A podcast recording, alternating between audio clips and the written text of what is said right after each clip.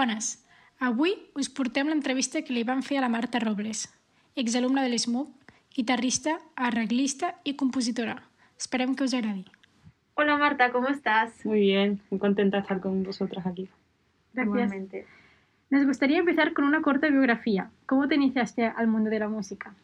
Pues era muy pequeñita, yo creo que tenía siete años así, cuando em, me regalaron una guitarra, bueno, una, lo típico, a mí una guitarra, a mi hermana otra. Y entonces, Wow. pues yo tenía un tío mío que estaba estudiando guitarra ya. O sea, era muy joven, pero como que iba unos años por delante. Entonces él empezó a enseñarme cuatro cosas, no sé qué. Y luego ya entré en el Conservatorio de Sevilla, hice todo el grado elemental, todo el medio, o sea, toda la carrera de guitarra clásica, que en, aquellos años era muy larga. Ajá. Eh, y bueno, y luego he estado haciendo un montón de cosas más, pero la verdad es que era muy joven. Ole. Mm. Has hablado de Sevilla y te queríamos preguntar justamente cómo fue lo de hacer tu primer grado superior de guitarra clásica allí. Bueno, es que mm, yo era de allí, en realidad era el único conservatorio que había en ese momento, tampoco había opción de estudiar mm, ni siquiera otras cosas, no había jazz, no había, no había flamenco, es decir, que la guitarra clásica era la única opción de estudiar en una escuela reglada, digamos, Claro. ¿no? Sí. Entonces yo no, no lo escogí, sino que esa es la que había, me apunté, hice todo el solfeo, no sé cuánto, sé qué, y mucho más adelante fue cuando me di cuenta de que había más opciones, ¿no? De música, pero en ese momento era la que había y de hecho yo estaba encantada, ¿no? Porque aprendí un montón y me encantaba todo el mundo clásico y, y entonces fue bonito, yo estaba allí en mi casa, de hecho, mm, como yo vivía en un pueblecito, pues me quedaba a dormir casi siempre en casa de mi abuela, que vivía allí en el centro de Sevilla, y entonces era como que yo tenía una vida un Hmm. poco independiente de mis hermanas, ¿no? Y, Claro. y la verdad es que estaba muy guay. Ya ves. Y por lo que hace el SMUC, o sea, viniste aquí a hacer otro grado superior, pero ahora de guitarra flamenca. ¿Cómo Sí. fue esa decisión de venir aquí y todo? Pues mira, eh, yo en Sevilla eh, estuve unos cuantos de años y antes de acabar el grado superior, el último año, que no hice el, el examen de final de carrera, me fui a Ámsterdam y estuve allí unos años estudiando. Bueno, primero me fui como un poquito a vivir y ya que estaba allí, pues pensé, bueno, voy a acabar la carrera, ¿no? Porque me quedaba eso, el, examen final. Entonces acabé el, el- la, la parte de grado superior allí, hice un máster y tal. Y ya el flamenco es como algo que me gustaba mucho, que yo además como que me mm, dedicaba un poquito a ese mundo, aunque era consciente de que tampoco sabía mucho, porque yo había estudiado música clásica, pero no flamenca. Y me sentía un poco como, un poco impostora, ¿no? Como que decía que tocaba la guitarra cla- flamenca, pero en realidad sabía que no sabía tanto, ¿no? Y estuve unos años en Holanda y tal, y cuando ya me cansé de aquello, pues conocí a mi chico, que, que hace esto ya 20 años, y él era de aquí de Barcelona, entonces me habló del SMUC y todo el cual, y que encima había un grado superior de flamenco, entonces yo lo vi clarísimo porque pensé, ay, qué bien, era como volver un poco a, a España, digamos, y, y aparte estudiar flamenco, que es lo que yo quería. Entonces hice las pruebas, entré, y mira, la verdad es que esos años fueron maravillosos. Wow, Sí, genial. sí. Y bueno, hablando un poco de Ámsterdam, ¿cómo fue lo de estudiar en otro país? Mm. ¿Qué diferencias viste? Es que claro, imagínate de Sevilla a Ámsterdam había un cambio enorme. Claro. Yo sentía que desde siempre, como que en Sevilla yo eh, tampoco pertenecía tanto a ese mundo, o sea, nunca, nunca pensé que me iba a quedar allí, la verdad, ni dando clases, ni tocando, no sé, siempre sentía que siempre quería viajar mucho y, y sentía como que tenía que ir fuera, ¿no? Ujú. Entonces, eh, cuando llegué a Ámsterdam, claro, era una escuela increíblemente chula, había un montón de departamentos diferentes, la gente de, de todo el mundo, o sea, no es que sea un conservatorio que hay holandeses, no, había gente, era un conservatorio súper internacional, tenía amigas pues de jazz, de no sé qué, de pop, de, de todos los departamentos, y fue como para mí un sueño, porque no solo aprendí música, sino que aprendí primero a vivir sola, que yo Claro. venía de casa de mis padres, Mm. y a, a ganar dinero con la música y a, no sé, como me, se me abrió la cabeza mucho a, a otros mundos, idiomas, no sé, fue como, uf, La verdad es que yo creo que aquello me cambió bastante la vida. Como exalumna, O sea, a ¿qué les partir de ahí a yo empecé a pensar de otra manera. actuales de la SMUC o que, que están haciendo ahora justamente las pruebas? Como algún consejo y tal. Mm, Mira, ayer justamente una alumna mía de guitarra flamenca que tengo online además, ella está en el Conservatorio de Madrid, me dijo que se quería presentar a las pruebas de, de flamenco de aquí. Yo me quedé un poco así porque primero no tiene mucho nivel y segundo no me lo esperaba, ¿no? Pero la verdad es que me dio mucha alegría porque hay pocas chicas y ¿Verdad? Es verdad. Claro, entonces pues le dije, bueno, para empezar tienes que estudiar un montón porque el nivel a, a día de hoy está muy alto. Sí. pero también a la gente que se presenta. eh, de hecho, ahora tengo una súper amiga mía que está aquí, que se llama María Blanco, que está de cantante de, de pop, no, de música moderna, Ujú. y yo la convencí también para que entrara en el SMUC. Y siempre les digo que, que no tengan prisa, porque cuando estás aquí, como que de alguna manera tienes ganas de acabar, mm, quieres hacer otras cosas, hay muchas asignaturas. eh, Llega un momento que estás un poco como que ya quieres hacer otras cosas, ¿no? Pero yo, a día de hoy, que hace un montón de años que terminé, porque terminé en 2007, me acuerdo un montón del SMUC, me acuerdo un montón de los profesores y, y de las cosas que aprendí y ahora me gustaría tener clases, porque ahora es como que me hacen falta esas cosas, ¿no? Oh, qué bueno. Claro, estábamos ahí estudiando un montón sin saber muy bien para qué, pero luego llega el momento que sí que sabes para qué y yo lo echo, echo de menos como esa mm, exigencia, ¿no? Y ese nivel que tenía yo en ese momento. Yo, por ejemplo, a nivel guitarra, pues ahí tocaba mejor que ahora, porque ahora estudio mucho menos, ¿no? Pero bueno, me dedico y tal, ¿no? Pero que le diría a la gente que entre aquí que disfrute de esos años y que los aproveche al máximo, porque creo que es una de las cosas más importantes que van a tener para toda su vida. Sí. Es como una inversión, o sea, tú te tiras aquí cuatro o cinco años y es como si fueras echando dinero en un bote cada día, en el fondo, ¿sabes? Sí. Que mucha otra gente pues no tiene la suerte de poder entrar, mm, el dinero para podérselo pagar, o sea, Claro. que sí que en realidad es un privilegio bastante importante, ¿no? Sí. Realmente sí. Gran consejo. Sí, sí, gracias. Hablando un, po- un poco de tus proyectos, hemos visto que formas parte de dos cuartetos que son muy diferentes, Mala Sangre y Las Migas. En el caso de Mala Sangre, formas parte de él junto a tus dos hermanas y tu prima. Sí, ¿Cómo surgió este proyecto? Y también te querríamos preguntar cómo es eso de trabajar con tu familia. Bueno, a la sangre eh, a día de hoy está un poco parado, la verdad, porque con todo esto del COVID y Claro. todo eso, Mm. y aparte mis hermanas, que son las dos madres y tienen unas vidas ahí muy complicadas, pues tenemos poco trabajo. Pero eh, es un proyecto que, has- que, que lo he tenido toda mi vida, desde estos comienzos que os digo que me fui a Ámsterdam, ahí surgió Mala Sangre, Wow. yo que sé, creo que era 2000, no, 2000 nada, eh, 1000, no sé, 900, que era muy, 997, o sea, yo soy muy vieja.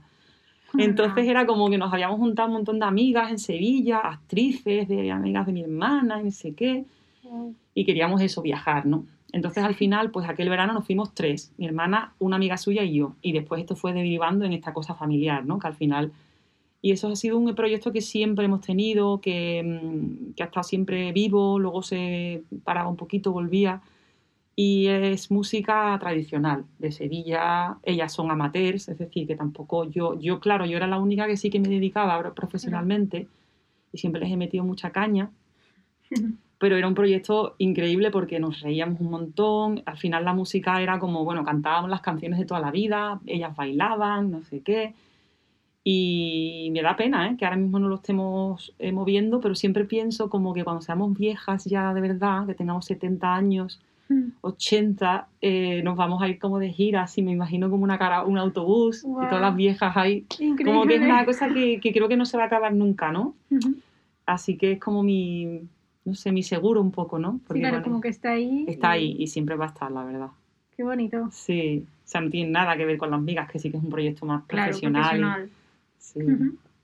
Y precisamente sobre las migas, queríamos saber cómo surgió esta creación, esta formación, cómo os conocisteis y tal, y cuál es el secreto para seguir juntas y que os va muy bien realmente. Pues mira, las migas nos conocimos aquí en el SMUC, que creo que era 2004. Yo entré y inmediatamente conocí a Silvia Pérez Cruz, que me, que me encantó. Ella era muy joven y, y pensé, Buah, esta chica que bien canta, qué guay, tocaba el saxo, además era como muy... atraía mucho, ¿no? Y además la tía sí que sabía mucho, no sé, tenía mucho rollo. Entonces yo empecé a hablar con ella, me nos hicimos amigas, no sé qué. Ella conocía a otra de las guitarristas, Isabel, que también estudiaba aquí. Ella tenía la otra, otra amiga, que era así, Lisa, que ella sí que no, no estaba aquí en el SMU, pero bueno, así como empezamos un poco mm, por, por tocar. Tampoco nos imaginamos que iba a ser un proyecto tan largo ni tan importante y tal. Y así sin más.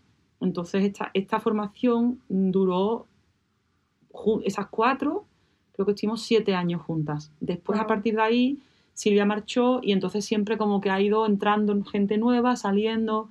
Por eso sigue durando. Es decir, es muy difícil que un proyecto dure más de, bueno, que dure tantos años con la Mm. misma gente. A no ser que sean tus hermanas, creo. Pero, por- pero es porque, porque, mm, porque siempre llega el momento donde alguien tiene la necesidad de hacer otra cosa. De un cambio. Claro, Mm. entonces es muy difícil eh, combinar esta- estos proyectos que además te, te- te requieren tanta, tanto esfuerzo. Entonces, cuando ya se fue Silvia y entró Alba Carmona, que también era estudiante de aquí y tal, yo ya perdí un poco el miedo a esos cambios. Entonces, siempre que alguien decía, ay, que me quiero ir, bueno, pues venga, pues entraba alguien nueva con, con más ganas, Sí. con nueva energía y siempre ha sido un proyecto vivo y a día de hoy creo que prácticamente no tenemos ni nombres propios, sino que se llaman las migas y un día te puedes encontrar a una, otro día a otra y no es nada dramático, simplemente es que el proyecto está vivo, yo soy la que lo mantengo un poquito, digamos, vivo, es decir, que soy la que siempre sigue estando. Pero, pero es así. Mm, Yo creo que está bien que sea así. Sí, sí, súper buena la visión. O sea, Es que- verlo así. Claro, tampoco me ha, me ha quedado sí. otra, ¿no? Porque si yo pudiera haber escogido, a lo mejor hubiera dicho, pues tienen que ser las mismas, ¿no? Si me hubieran dicho, ¿qué quieres? Pero como la vida me ha puesto estas situaciones, a veces tampoco ha funcionado. Por ejemplo, yo que sé, hubo un disco que lo grabamos con unas chicas que después es que no, que no cuadraba en la banda. Ujú. Pues es mejor que cada uno haga un poco su... Tiene que fluir todo esto, porque además tantos viajes juntas, tanto, tan- Convivencia. sí, si no hay buen rollo y si no hay como una sintonía musical y personal, entonces se van las cosas al garete. Hmm. Y nosotras hemos sabido muy bien gestionar todo esto. Pues es un Qué arte bien. también, ¿eh? Sí, sí, sí. Y bueno, también queríamos preguntarte, en cuanto a todas estas experiencias que has tenido, has podido actuar delante de los Rolling Stones Pues sí. y has recibido dos nominaciones a los Grammy. ¿Cómo sientes eso? ¿Cómo fue también? Mira, lo de, lo de los Rolling fue muy fuerte eh, porque yo. mm, ellos vinieron a Barcelona. Teníamos un. bueno, un, un- un señor que se llama Joan Antón Cararach, que es el. Él es el director del festival, del Voldan Jazz Festival de Barcelona, pero súper majo.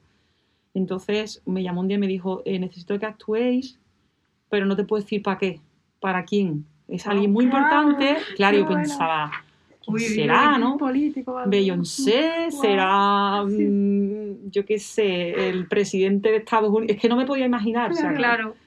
Y vale, entonces era con el dúo del mar y las dos allí, bueno, entonces llegamos. No, y el día que antes de tocar vi en la tele que venían los Rolling a actuar a Barcelona y ya Uy. pensé, Uy. uy, claro, pues, sí, no sé, pero nada. Entonces fue llegar a un hotel de estos muy chulos y, y allí, y porque no querían que se lo dijéramos a nadie, por si acaso se pone aquello, mm, Claro, lleno de gente. Claro. y- y entonces era una fiesta que hacían ellos el día antes de su concierto.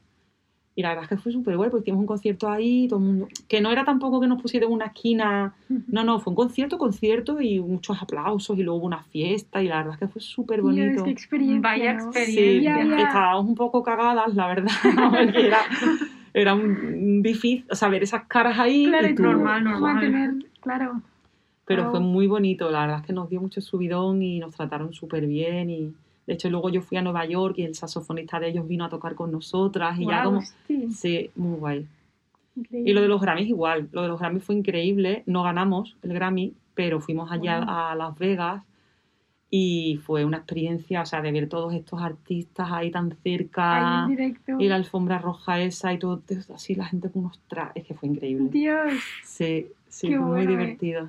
Sí. que al final formabas parte de los artistas también. Claro, es que estabas nominada. Sí, bueno, sí. claro, estabas ahí, y, pero era tan fuerte todo que mm, tengo un Al recuerdo final, como claro. un poco peli, Como ¿sabes? el sueño así de wow. sí, estábamos también como que no sabíamos qué había que hacer, ¿sabes? Claro. un poco así como las catetas de pueblo allí, pero fue muy guay, muy divertido. Dios, qué increíble. Mm. Muy bien, y hemos visto que también formas parte de, bueno, ya lo has comentado ahora, del dúo del mar Sí, con Ekaterina Seitjeva. sí. ¿Cómo surgió la idea de hacer un dúo juntando justamente guitarra flamenca con guitarra clásica? Pues Katia y yo estábamos aquí en el SMUC estudiando también y teníamos un cuarteto de guitarra que se llama Cuartet Galiu, que hacíamos clases de música de cámara con Feliu Gasul. Y él nos enseñó un montón de cosas, la verdad. Eh, a mí me enseñó mucho a componer, a, a- a arreglar cosas pa- de- para guitarra. Este cuarteto era maravilloso. Además, el MOOC nos llevó a muchos sitios, fuimos a Rusia, no sé qué. Bueno, Ole. fue muy bonito. Y ya aquello se acabó, no me, me acuerdo tampoco muy bien por qué, y nada. Y a los años fue Katia que me llamó a mí y me, propu- me propuso hacer el- este dúo como para hacer música española y flamenca. Y a mí me encantaba porque la verdad es que ella era una guitarrista, bueno, es una guitarrista maravillosa y súper exigente. Y es un proyecto que ha funcionado muy bien desde siempre. Y seguimos a día de hoy y la verdad es que estoy muy contenta de, de mantener esa cosa de tocar eh, música instrumental también, ¿no? Que es como que tienes que ponerte las pilas y estar ahí. Así Ujú. que Claro, es como una exigencia distinta. sí, totalmente distinta. ¿no? Ujú. Pero muy- me encanta. Además también de todos estos proye- proyectos, tienes un proyecto en, en solitario que se llama Insólita, que lo, defi- lo defines como un diálogo entre tres, entre la guitarra, tú y los espectadores. ¿Qué diferencias hay a nivel creativo, su proceso y en la puesta en escena cuando estás tú sola a cuando es una agrupación?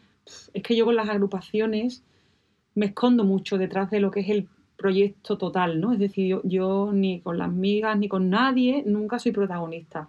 Mm, Aunque sean temas míos y yo sea un poco la creadora del espectáculo, pero nunca me pongo en, en ese lugar, ¿no? Porque, bueno, no, no es algo que me guste ni, ni, me- ni tengo la necesidad, ¿no? Mm. pero sí que tenía ganas de, de hacer algo, de ponerme ese reto, ¿no? De tocar sola y ver qué, qué podía hacer, ¿no? Entonces hice este espectáculo que fue súper bonito, fue también muy duro en el sentido de que tú te pones un escenario solo y todo lo que te pase, te pasa a ti solo, Eres la protagonista. eh, total, y no Mm. puedes ni respirar porque todo el rato tienes que estar ahí. Y bueno, ahora mismo no lo estoy moviendo eso porque tengo otros proyectos que no tienen nada que ver nuevos, que ahora os los contaré si queréis. Sí, Eh, pero fue una experiencia súper chula. Me fui a Perú yo sola, de hecho, a hacer una gira. Eh, y me acuerdo que tenía los dedos súper hinchados porque era, era tan alta la, ¿sabes? El, sitio donde estaba que se te hinchaban las... Por la presión. Sí, pero claro, yo tenía que tocar igual y con el jet lag y todo y era como, venga, Guau. tía. Y fue muy, me, me vino muy bien aquello, porque me di cuenta que lo podía hacer, que además a la gente le encantaba escucharme igualmente, ¿no?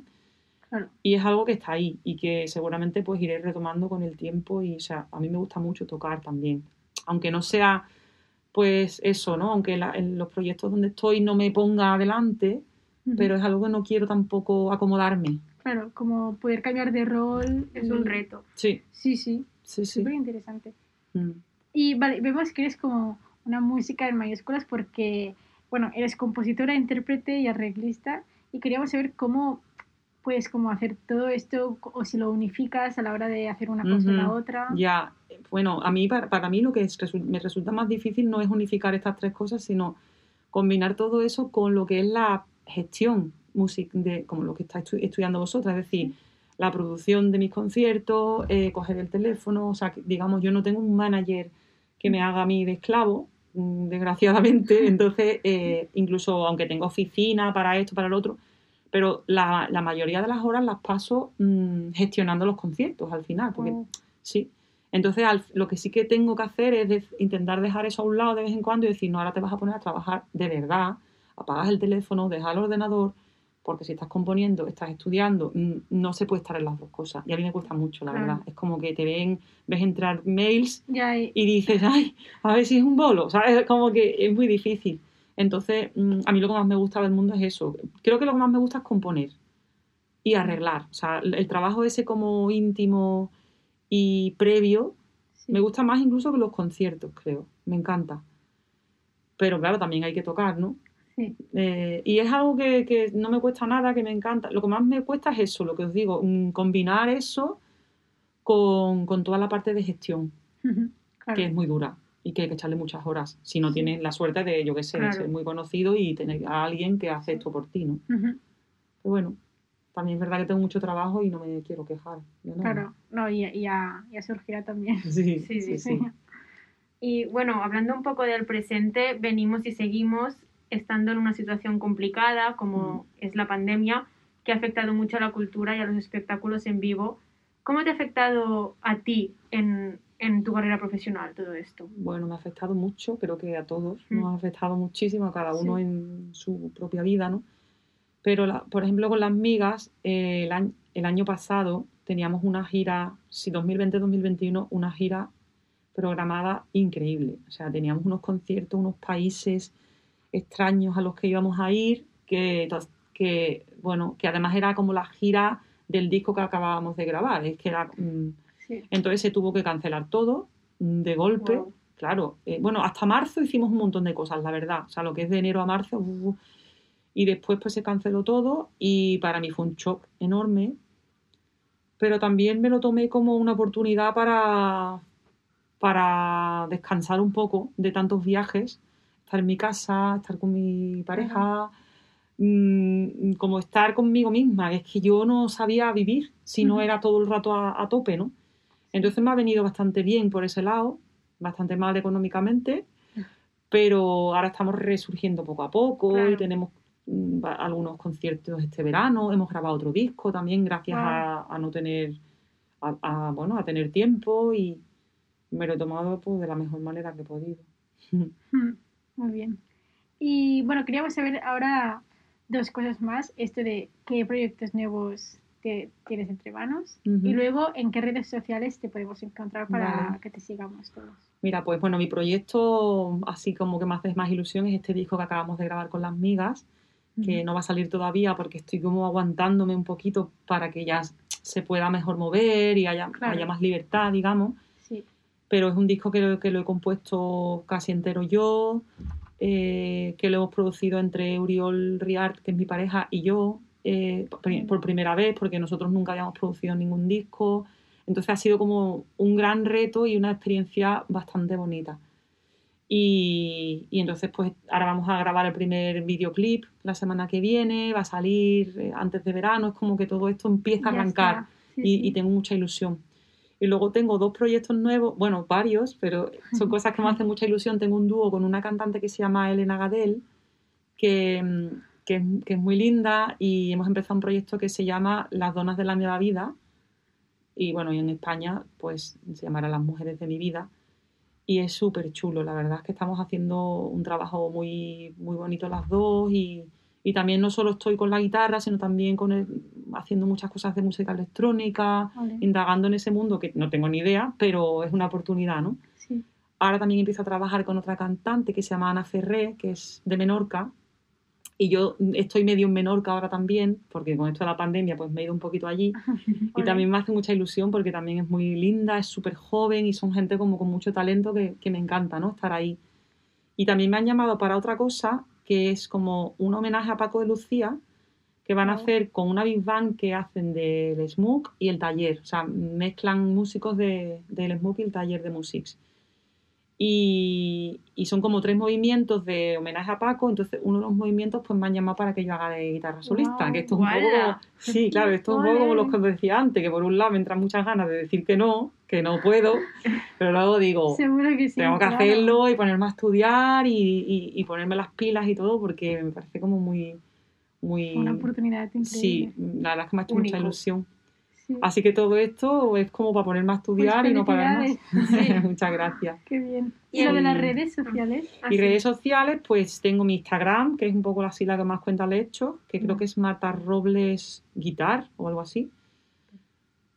Y, y luego tengo mi Facebook también, pero la verdad es que el Facebook tengo más abandonado. Pero bueno, sobre todo el Instagram, Marta Robles Guitar, y también las migas, es igual también las migas las migas, creo, en, Instagram, que es un poco también como mi proyecto, ¿no? Entonces es donde siempre un poco lo que Ahí te podemos encontrar. Ahí me y seguir. encontrar, claro que Genial. ¿Y tenéis conciertos programados donde podamos ir? Sí, el día 21 de mayo tocamos en las fiestas de San Boy, este es el primero así que tenemos. Después tocamos en Torredembar. Bueno, por Cataluña bastantes cosas. En Barcelona ahora mismo no tenemos nada programado porque yo creo que hasta que no saquemos el disco igual no, no lo vamos a hacer a lo mejor en verano sí que sale alguna cosilla, pero... Eh, y luego tengo muchas, muchas cosas por España, incluso tenemos algunos conciertos ya afuera, en Suiza, vamos a Albania. Sí, eh, todo eso está como ahí ya empezando a moverse. Así que también tengo una web, por cierto, que es Marta Robles Guitarra, y ahí es donde anuncio todas mis fechas. pues perfecto. Pues sí, sí, pues ahí pues podemos buscar, claro. Claro. Genial. Pues perfecto, ahora ya llega como la parte final de la entrevista y consiste en hacerte tres preguntas cortitas. Y intentamos como hacerlo así rápido. Venga. Entonces, para empezar, un artista que recomendarías. Eh, Jorge Drexler. Un libro. Eh, Patria. Y una pregunta a hacerse a una misma. Una pregunta a hacerse a una misma. Eh, uf, esto ya no me sale rápido, ¿eh? No, no. No. Eh, ¿Estás realmente haciendo lo que te hace, estás- lo que te hace feliz? Muy buena. Es que estoy ahí también ahí buscando la felicidad, aparte de todo esto. Genial. Pues Marta, muchas gracias por esta entrevista y por dedicarnos tu tiempo y te deseamos muchos éxitos y salud. Muchísimas gracias por invitarme, que me ha encantado estar con vosotras. Gracias. Y suerte a vosotras. Merci. Gracias.